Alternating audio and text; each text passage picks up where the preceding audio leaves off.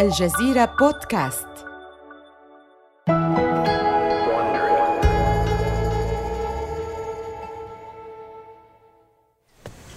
إنه مطلع عام 2000 في مدينة مينيابوليس. تتجول ديبرا باتس في منزلها وهي تشعر بعدم الراحة من الفوضى التي تجدها حولها. فتقرر البدء بعملية نظافة شاملة للمنزل. تتفحص غرفة المعيشة فترى بوقا قديما. لا يزال صندوقه يحمل الاسم الذي أطلقه عليه ابنها وهو في المدرسة الإعدادية باسي. تضحك ديبرا وهي تتذكر كيف كان ينفخ في هذه الآلة في الطابق العلوي بعد العشاء. لم يعزف على البوق منذ سنوات وهو الآن طالب في الجامعة. إنه حتى لن يفتقده. تجلس أمام جهاز الكمبيوتر الخاص بها وتسجل الدخول إلى موقع إي باي ليست مستخدمة دائمة له ولكنها تستمتع بتحقيق ربح بسيط من خلال بيع بعض الأغراض القديمة. ولقد كان من الممتع لها أن ترى هذا المجتمع الرقمي الجديد الغريب وهو يتشكل. تعرض البوق بسعر أولي يقدر بستين دولاراً. كانت ترى أنه سعر مناسب. خلال الأيام القليلة التالية يصلها أكثر من عرض. يرتفع السعر إلى 75 دولاراً. هذا جيد حتى الآن. ثم تصلها رسالة من بريد إلكتروني غريب هو charityRobot at paypal.com إنه روبوت يكتب لدابي. يخبرها بأنه يقوم بالمزايدة على بعض السلع من أجل أعمال خيرية ويود أن يشتري سلعتها. هذا شيء جديد. إذا لم تكن لديك مشكلة في القيام بأعمال تجارية مع جهاز كمبيوتر بدلاً من البشر برجاء القيام بالرد على هذا البريد الإلكتروني وسوف أرد عليك بعرضي مباشرة. لكن هناك مشكلة. يجب على ديبرا أن تقبل الدفع عبر شيء يدعى باي بال لقد رأت مستخدمين آخرين على الموقع يذكرون باي بال ولكنها لا تعرف ما هو هذا الشيء بالضبط. رغم ذلك تبدو صفقة جيدة. إذا قامت بالتسجيل في الموقع فستحصل على عشرة دولارات في رصيدها كما أنها قد تحصل على عرض سعر أكبر لسلعتها. ومع باي بال ستحصل على المال مباشرة ولن تشعر بالقلق من أن يتم الاحتيال عليها بشيك مزيف. حسناً أعتقد أن الأمر يستحق المحاولة. تشعر بالغرابة حيال مراسلتها لروبوت. ولكنها ترد على الرسالة. إلى من أرسل هذه الرسالة يبدو الأمر جيداً. يرسل الروبوت رابط التسجيل في موقع باي بال وتتم الصفقة. بعد قليل ترى ديبرا شعار شركة الدفع إنها حروف عريضة زرقاء تظهر على الموقع. تكثر المبيعات وتتم عملية الدفع بسلاسة. ديبرا سعيدة مستخدمو اي باي الآخرون سعداء أيضا وباي بال حتما سعيد. ولكن ماذا عن اي باي؟ لا يعجبها ما يحدث على الإطلاق.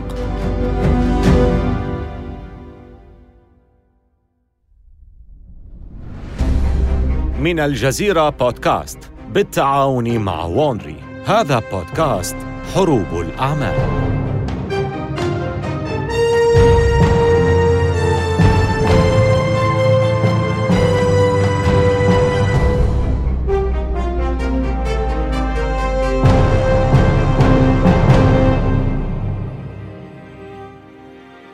لا نزال نتابع أحداث الصراع بين باي بال وإي باي كلتا الشركتين تسعيان للاستحواذ على سوق التجارة الإلكترونية عبر الإنترنت.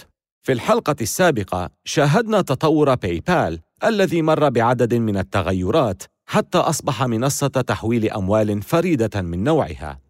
حين كان باي بال في مراحله الأولى كان موقع المزادات إي باي السريع النمو أنسب مكان يلائم باي بال لكي يتطور في رحابه ويحسن أداءه.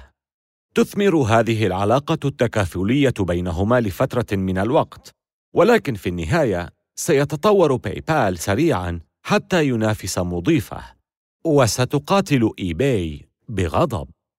أنتم تستمعون إلى الحلقة الثالثة عدوى باي بال. في غمرة ازدهار مواقع الإنترنت، يتدفق المال نحو وادي السيليكون. تنفق الشركات ببذخ غريب وتتكاثر الشركات بسرعة وتتضخم بإحساس مؤسسيها بذواتهم وبأموال المساهمين قبل أن تخفق بشكل مذهل. موقع ويب فان وهو بقالة عبر الإنترنت يجمع 800 مليون دولار قبل تبديد رأس المال وفشله في تحقيق أي نجاح تجاري. موقع pets.com يخسر 147 مليون دولار في أول تسعة أشهر من عام 2000 فقط قبل أن يغلق في شهر نوفمبر من نفس العام ويقوم بفصل 300 موظف. المواقع بجميع أنواعها تنفق ببذخ على امتيازات للموظفين. تبدو وكأنها استحقاقات للعاملين بهذا القطاع. أحد هذه المشاريع يمنح جميع العاملين فيه حجزا شاملا في عطلة نهاية الأسبوع في أحد المنتجعات الفاخرة مستمتعين بأفخر أنواع النبيذ. ووكالة إعلانات رقمية تقوم باستئجار العازف الشهير تيتو بوينتي للعزف في حفل رأس السنة. أما شركة سايبر نت فتهدر مئات الآلاف من الدولارات لشراء النبيذ. وبالطبع لا تجني جميع هذه المشاريع التجارية أي عوائد قيمة في المقابل.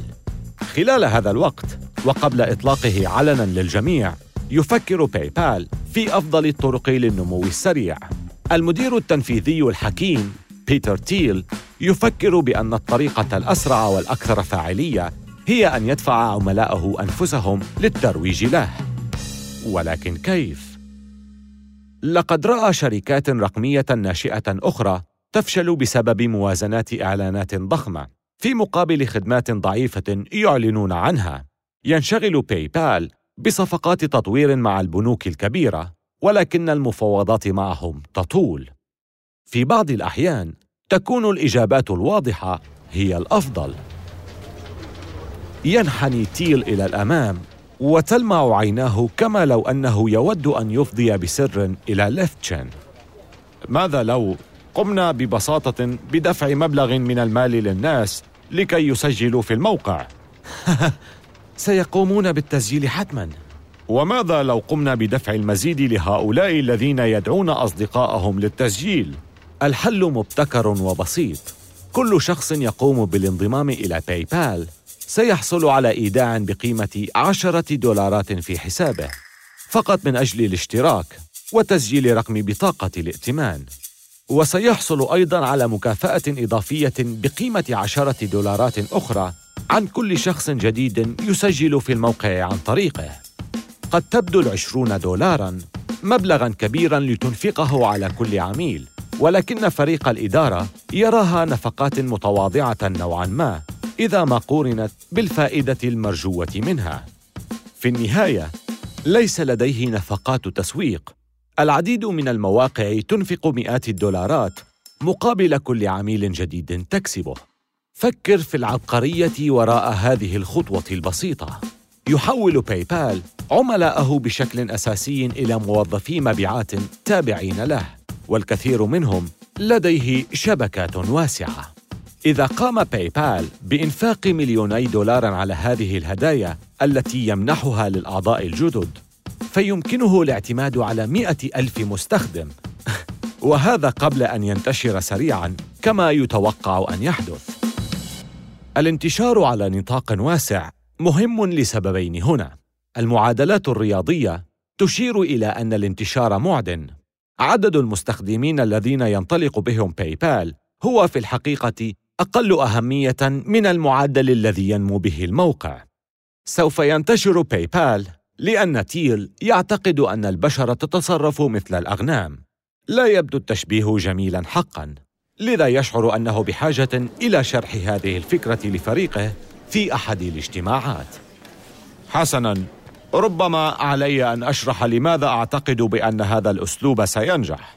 إنها ليست فكرة شريرة ولكنها فقط توضح الطريقة التي يفكر بها الناس. كل ما في الأمر أن الناس لا يفكرون فيما يريدون. إنهم يقومون باستعارة رغباتهم من أناس آخرين. يلهث جمهور المشترين عادة خلف ما يفعله الآخرون حتى وإن كان غير منطقي بالمرة. وهذا ما يفسر حدوث الفقاعات الاقتصادية. يستمع فريق تيل. بعضهم لا يعير الحديث اهتماما لكنهم بالتدريج يبدأون في الإيماء برؤوسهم. ومن خلال مراقبة وجوه الحضور يرى تيل أن بعضهم لم يقتنع بعد. يستمر في حديثه. انظروا إلى عالم الموضة. أزياء وصيحات جديدة يتم فرضها من أعلى. الناس يتبعون ببساطة ما هو جديد. هذا ما سوف نقوم به. عندما يحصل مستخدمون على التكنولوجيا سيقومون بنشرها لأشخاص آخرين وهؤلاء الناس سيرغبون في الحصول على التكنولوجيا بمجرد أن يروا أن هناك من يملكها. سوف نكون في كل مكان. بطريقة ما يشعر تيل بتأنيب الضمير لاستخدام تلك الطريقة. إنه يراهن أن غريزة القطيع ستحمل النجاح لباي بال وهو ما يتعارض مع نظرته التحررية للعالم التي ترى ضرورة أن يكون الناس مستقلين في خياراتهم. التناقض هنا واضح ولكنه يذكر نفسه بأن صندوق التمويل الذي يدعمه محافظون مثله يتوقع عائدا على استثمارهم وعلى أي حال لا أحد يجبر الناس على التصرف بشكل جماعي. يمكنه أن يتعايش مع هذا التناقض الواضح مع مبادئه إذا نجح في تأسيس شركة قادرة على السيطرة على العالم. ربما يستحق الأمر التضحية. في الحقيقة تصبح هذه إشارة البداية لباي بال لوك نوساك وهو أحد مؤسسي باي بال من أصل بولندي يضع عدادا على شاشته مكتوبا عليه مؤشر السيطرة على العالم ليسجل العدد المتزايد للتسجيلات في الموقع. بعد وقت قصير من إطلاق الموقع ومع وجود الهدايا المالية التي تزيد من معدل إقبال الجماهير يلاحظ باي بال اتجاهين مفاجئين. الأول هو أن تطبيق بالم الجزء التجاري الذي اعتقد تيل وليفتشن وغيرهما أنه سيكون بمثابة العمود الفقري للشركة لا يحقق أي شعبية. الإقبال الحقيقي هو على موقع باي بال بتصميمه البدائي. إنه أمر صادم إلى حد ما نظراً لأن ليفتشن كان قد أنشأ الموقع في اللحظة الأخيرة. المفاجأة الثانية هي من أين يأتي هؤلاء المستخدمون؟ إنهم ليسوا من الشباب المهتمين باقتصاديات التكنولوجيا. الذين تخيل باي بال أنهم سيكونون جمهوره المستهدف. ينادي أحد العاملين على زميله ليشاهد المبيعات على شاشة الكمبيوتر. انظر لذلك. عملاؤنا ليسوا تقنيين. إنهم أمريكيون متوسطو العمر. يقومون ببيع ملابس قديمة وأشياء قديمة على موقع اي باي دمية بيني علبة طعام عتيقة آلة بوق قديمة. حقا. بائعو المزادات متوسطو العمر هؤلاء يدركون على الفور لماذا ينبغي عليهم استخدام باي بال إنهم سعداء بالحوافز المادية بالطبع ولكن ما يجذبهم أكثر هو سهولة استخدام الموقع ورسومه المنخفضة. بائعو اي باي كان عليهم في السابق الاعتماد على بطاقات الائتمان التي تتقاضى رسوما تبلغ 6% وقد يستغرق الأمر أسابيع حتى يحصلوا على أموالهم. ولكن باي بال تفرض رسوما تبلغ 2.5% فقط والدفع يتم على الفور. نحن نتحدث عن رضا فوري ولكن انتظروا هناك المزيد. تبدأ وسائل الإعلام التجارية بالشعور بأن هذا قد يصبح شيئا كبيرا حيث إن الأعمال الصغيرة مثل شركة جي دي لأعمال الأرضيات في مدينة باسادينا بولاية كاليفورنيا تنتشر عالمياً بفضل منصة إي باي. جون هوليت مالكة الشركة تخبر صحيفة وول ستريت بأن المال الذي يحصلون عليه عبر مبيعات باي بال وكان من قبل يستغرق الكثير من الوقت أصبح أسرع بكثير. الآن تستيقظ في الصباح تجد المال في حسابك. وفقاً للصحيفة، تحقق جون إيرادات تبلغ 55 ألف دولار على مدار عام ليس راتبا سيئا مقابل بيع الأشياء على إي باي بائعو مزادات آخرون على الإنترنت يختارون باي بال لنفس الأسباب تتضاعف أعداد المستخدمين بسرعة لكن في يوم ما وبشكل غير متوقع يصل بريد إلكتروني من أحد مستخدمي إي باي يربك المدير التنفيذي لباي بال ديفيد ساكس. هل يمكنني الحصول على إذن لعرض شعار باي بال على المزادات الخاصة بي؟ ساكس الذي يعمل في الشركة منذ أيام باي بال الأولى يتذكر المثالية القديمة التي كانت تنتهجها الشركة وخططها لزعزعة الأنظمة المؤسسية التقليدية. وهذا البريد الإلكتروني يمثل صدمة لأحلام تلك البدايات. ما الذي حدث؟ استخدام شعار باي بال كما لو كان ملصقا للدعاية؟ يتوجه بالسؤال لتيل. ديفيد بالطبع إنها دعاية مجانية. وإذا قام بها آخرون أيضا فقد تخيل ذلك. سيفعلون ذلك يا ديفيد. كما قلت لك الناس ستفعل مثل ما يفعل من حولهم. ولكن المستخدم الذي أرسل البريد الإلكتروني لساكس ليس هو الوحيد على إي باي الذي يسوق لباي بال الآلاف من مستخدمي إي باي يضعون روابط على صفحاتهم وبها وصف تفصيلي لكيفية التسجيل على باي بال تذكروا أن كل تسجيل يساوي عشرة دولارات لبائع المزاد. لذلك لم ينتشر باي بال سريعا فحسب. بل إن المستخدمين الذين يقومون بدعاية مجانية يقومون كذلك بالتسويق لباي بال وهم سعداء. يبدو الأمر جنونيا إلى حد ما. وبائعو المزادات هؤلاء هم أفضل طريقة تسويق موجودة. إنهم بمثابة المبشرين للموقع الجديد. وبعد أقل من شهرين من وصول البريد الإلكتروني الأول تجذب الشركة 12 ألف حساب باي بال آخر. في الوقت الذي يصل فيه عدد مستخدمي اي باي إلى عشرة ملايين شخص الإمكانيات هنا هائلة.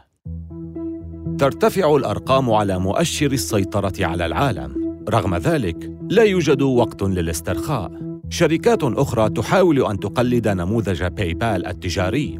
يدرك تيل أن الطريقة الوحيدة للبقاء هي النمو بشكل أسرع.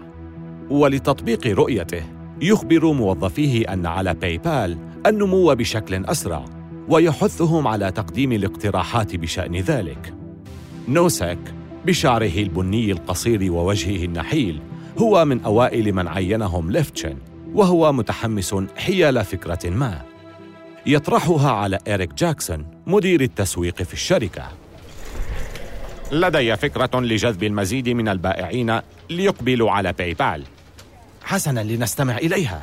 ما نحتاج لفعله هو التحرك والبدء بشراء السلع من اي باي والإصرار على استخدام باي بال لدفع ثمنها. يا لوك كن واقعيا. يوجد أكثر من ثلاثة ملايين مزاد على اي باي ونحن لا نملك كل هذا المال. حسنا لا نحتاج لشراء كل شيء في المزاد عادة ما يقوم البائعون بعرض بعض الأشياء في المرة الواحدة. بدلا من شراء جميع الأغراض نشتري شيئا واحدا. ولكن نصر على استخدام باي بال لإتمام عملية الشراء. آه كيف نفعل ذلك؟ كيف نشتري شيئا من كل بائع على اي باي نقوم بتصميم روبوت. روبوت؟ روبوت مبرمج يتم تصميمه للوصول إلى أنواع معينة من المزادات. وعندما يجدها يقدم عرضا لأصحابها مثل ما يفعل أي شخص يريد أن يفوز بالمزاد ويقوم بالدفع عن طريق باي بال قد يعتقد البائع أنه يتعامل مع مشتر بشري. حسنا انتظر. هذا الروبوت سيتعامل كما لو كان شخصا حقيقيا ليشتري المزادات باستخدام باي بال أجل. بالضبط. آه هناك مشكلة واحدة في خطتك. ماذا لو لم يقبل البائع أن يتم الدفع عبر باي بال؟ في اليوم التالي يبتكرون خدعة تخاطب عواطف الجمهور سيقومون بإطلاق روبوت يشتري الأغراض من أجل أعمال خيرية في تلك الحالة من سيقوم برفض طلبه؟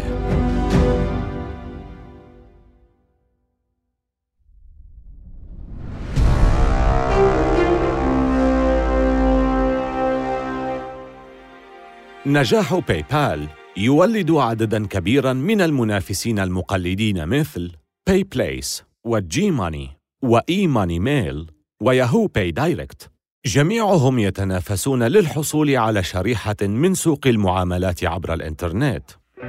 ولكن التهديد المباشر لباي بال يأتي من إي باي كان لدى باي بال وإي باي في وقت ما علاقة تكافلية. أما الآن فترى المديرة التنفيذية ميغ ويتمان أن باي بال طفيلية تقوم بامتصاص الأموال من شبكة عملائها. وترى أن إي باي يجب أن تفرض رسوماً على هذه المعاملات. وما يقلقها أكثر هو نمو باي بال السريع حتى بات بإمكانه أن يتخطى إي باي تستدعي كبار مساعديها في مكتب الشركة في سان خوسيه وتدخل مباشرة في الموضوع. هؤلاء الرجال يجنون الأرباح على حسابنا. يجب أن نوقف ذلك. لكن رئيس قسم التكنولوجيا لا يرى باي بال كتهديد. لكنهم يسهلون عمليات الدفع يا ميغ. ويبدو أن كثيرا من مستخدمينا سعداء بذلك. إذا كان على أي أحد أن يجني ربحا عن طريق معاملاتنا فبالطبع يجب أن نكون نحن. نحن نعمل على يجب أن يكون نحن. لمواجهة باي بال تشتري إي باي شركة بيل بوينت وهي شركة تعمل في مجال بطاقات الائتمان. كانت قد دخلت في شراكة مع شركة ويلز فارغو توقف إي باي نشاطات بيل بوينت على الفور وتعيد تهيئتها للتعامل مع الملايين من مبيعات المزادات. يحدث انقطاع عام للتيار الكهربائي أضرارا للموقع في الوقت الذي يقوم إي باي بإعادة بناء بيل بوينت هذه المرة ليس خطأ إي باي لكنه يتسبب بأضرار للمستخدمين. في ذلك الحين يستمر باي بال في النمو. يحاول اي باي قطع الطريق على باي بال وذلك عن طريق وضع شروط تقنية تلزم المستخدمين بتصغير حجم إعلانات الشركات الوسيطة. وهو ما يجعل مساحة شعارات باي بال المعروضة تتقلص بنسبة 75% كل بائع مزاد يريد وضع شعار باي بال عليه أن يعدل حجم الشعار ليصبح أصغر. يتذمر بعض المستخدمين عبر رسائل الموقع. في الوقت نفسه يتم وضع شعارات بيلبوينت في أعلى الموقع لضمان أعلى نسبة مشاهدة بينما توضع إعلانات باي بال في الأسفل. لتشجيع التسجيل في بيلبوينت يتنازل إي باي عن حصته المعتادة من البائعين. والتي تساوي 25 إلى 50 سنتا مقابل كل سلعة. كما يمكنهم بيع السلع خلال اليوم الأول لعرضها دون تحصيل أي رسوم. حصة بيل بوينت في المزادات تحولت من واحد بالمئة إلى عشرة بالمئة فقط في يوم واحد. لقد استغرق الأمر شهراً من باي بال ليحققوا هذه الأرقام. في باي بال رئيس قسم التسويق إيريك جاكسون يبحث عن نوسك إنه يشعر بالقلق. أمر محبط تماماً. نوسك يضع قدميه على مكتبه. يحدق إلى نبتة في إناء إلى جوار النافذه يلتفت بهدوء نحو جاكسون. سنكون بخير. بيل بوينت لا يعمل بشكل جيد كما هو الحال مع باي بال كما أنه يكلفهم الكثير. هكذا تسير الأمور دائما؟ حينما تظهر خدمة جديدة فإنها تتخطى الخدمة القديمة؟ يبقى السؤال عالقا. لكن أمرا غريبا يحدث. حصة بيل بوينت تنخفض حتى تصل إلى 6% خلال بضعة أيام. يستغل البائعون فرصة التقديم بالمجان ويعرضون الكثير من السلع. لكن هذا يتسبب في تراكم السلع وتأخر بيعها. والنتيجة النهائية هي انخفاض حصيلة المبيعات يزداد غضب البائعين ترتفع حصة باي بال إلى 30% من معاملات التحويلات المالية. يقوم اي باي بالتصدي له بإضافة يوم عرض آخر مجاني، ولكن النتيجة واحدة. ترتفع بيل بوينت حتى تصل إلى 14% قبل أن تنخفض إلى النصف، حيث ينتقل المستخدمون إلى باي بال مرة أخرى. إتاحة يوم مجاني ثالث لا يحسن وضع بيل بوينت. في تلك المرحلة يخسر اي باي الملايين تستدعي ويتمان مساعديها مرة أخرى إلى مكتبها هذا لا ينجح ماذا يمكننا أن نفعل؟ يمكننا تجربة شيء يدعى اشتري الآن Buy it now هذا يتيح للبائع أن يحدد سعراً بدلاً من أن يقبل العروض وسنقوم باستخدام بيل بوينت كخيار أساسي للدفع. هل سينجح هذا؟ حسناً بما أن بيل بوينت سيكون الاختيار الأساسي إذا أراد المستخدمون استخدام باي بال عليهم أن يغيروا الإعدادات وهذا سيزعج الناس. سيقوم بإبطاء عملية البيع بالتأكيد. مما سيؤثر على الاعتماد على باي بال بشكل كبير. لنقم بذلك. لكن اي باي لا يتوقف عند هذا الحد. خطوته التالية تأتي بعد أحداث الحادي عشر من سبتمبر حين كان الغبار الناجم عن ذاك الحادث المأساوي لا يزال يخيم على أمريكا يوفر الحادث فرصة لا مثيل لها لنشاط روبوت باي بال الذي يدعم الأعمال الخيرية. إذا ما الذي يفعله إي باي؟ حسناً. إنه يعلن أنه سيقوم بمنع البائعين من المشاركة في المزادات الخيرية إلا إذا استخدموا بيل بوينت يبدو الأمر قاسياً وانتهازياً. تتسبب هذه الخطوة في انصراف الكثير من المستخدمين الأكثر حماساً والذين يطلقون وابلاً من الانتقادات القاسية. ثم يقوم اي باي بإطلاق Checkout وهي خدمة مصممة لجعل المعاملات أبسط وأكثر انسيابية. ولكن مستخدمي اي باي يفسرون نظام الدفع الجديد على أنه طريقة لتوجيه المزيد من المستخدمين نحو بيل بوينت وبعيدا عن باي بال الذي أصبح جزءا من هويتهم الآن إنهم يعلنون تمردا. آلاف الغاضبين من البائعين على الإنترنت يهددون بسحب منتجاتهم من على إي باي اعتراضاً على نظام الدفع الجديد على الموقع. يتراجع اي باي سريعا. وبهذا الانسحاب يعود باي بال على القمة مستحوذا على 70% من جميع معاملات اي باي ولا يوجد شيء ليفعله اي باي لإيقاف انتشار باي بال القوي. إنه مستمر في النمو. ببساطة لأن جمهوره يروجون له. يبدو أن نظرية عقلية القطيع الخاصة ببيتر تيل أثبتت صحتها. في الوقت نفسه يسحب باي بال المستخدمين بعيداً عن بطاقات الائتمان وهو ما يكلف باي بال رسوماً أكثر باثنين بالمئة لكل معاملة. بدلاً من ذلك تطلب الشركة من المستخدمين أن يقوموا بربط معاملاتهم مباشرة مع حساباتهم المصرفية. بينما تنمو الشركة يتحسن وضعها المالي. وعلى الرغم من أنها لا تزال غارقة في الديون فإن باي بال في طريقه إلى الربحية حيث كان أغلب منافسيه قد خرجوا بالفعل من المنافسة. وضع حد للمنافسين هو شيء أساسي لدى تيل. يشرح ذلك لمذيع من فوربس هناك حقا نوعان فقط من الأعمال التجارية في هذا العالم. أعمال تنافسية بشكل جنوني وأخرى محتكرة. تؤتي المنافسة ثمارها على الأقل إلى أن يأتي شاب وافد مع مشروع ملفت يدعى X.com ويستقر بالقرب من باي بال في الحلقة القادمة ربما يكون تيل قد التقى بمن يشبهه. إنه رجل الأعمال الشاب المفعم بالحيوية من جنوب إفريقيا إيلون ماسك. وهو رجل لديه ثقة بالنفس ورؤية تشبه رؤية تيل. آمل أن تكونوا قد استمتعتم بهذه الحلقة من حروب الأعمال. استمعوا إلى حلقاتنا عبر أبل بودكاست وجوجل بودكاست وشاركوها مع أصدقائكم. ولا تنسوا زيارة موقعينا على الإنترنت podcast.aljazeera.net وwandry.com وملاحظة سريعة حول المحادثات التي سردناها. لا يمكننا أن نعرف بالضبط ما قيل ولكن هذا الحوار مبني على أفضل الأبحاث التي قمنا بها. هذه السلسلة من حروب الأعمال قدمها في النسخة الإنجليزية ديفيد براون وكتب القصة آدم بيننبرغ. كارين لوي هي كبيرة المنتجين ومنتجة هذه الحلقة هي جيني لوار بيكمان. قام بالهندسة الصوتية كيل راندل من شركة بي إيريا ساوند. والمنتج المنفذ هو مارشال لوي. أخرج السلسلة هرنان لوبيز لصالح شبكة وندري.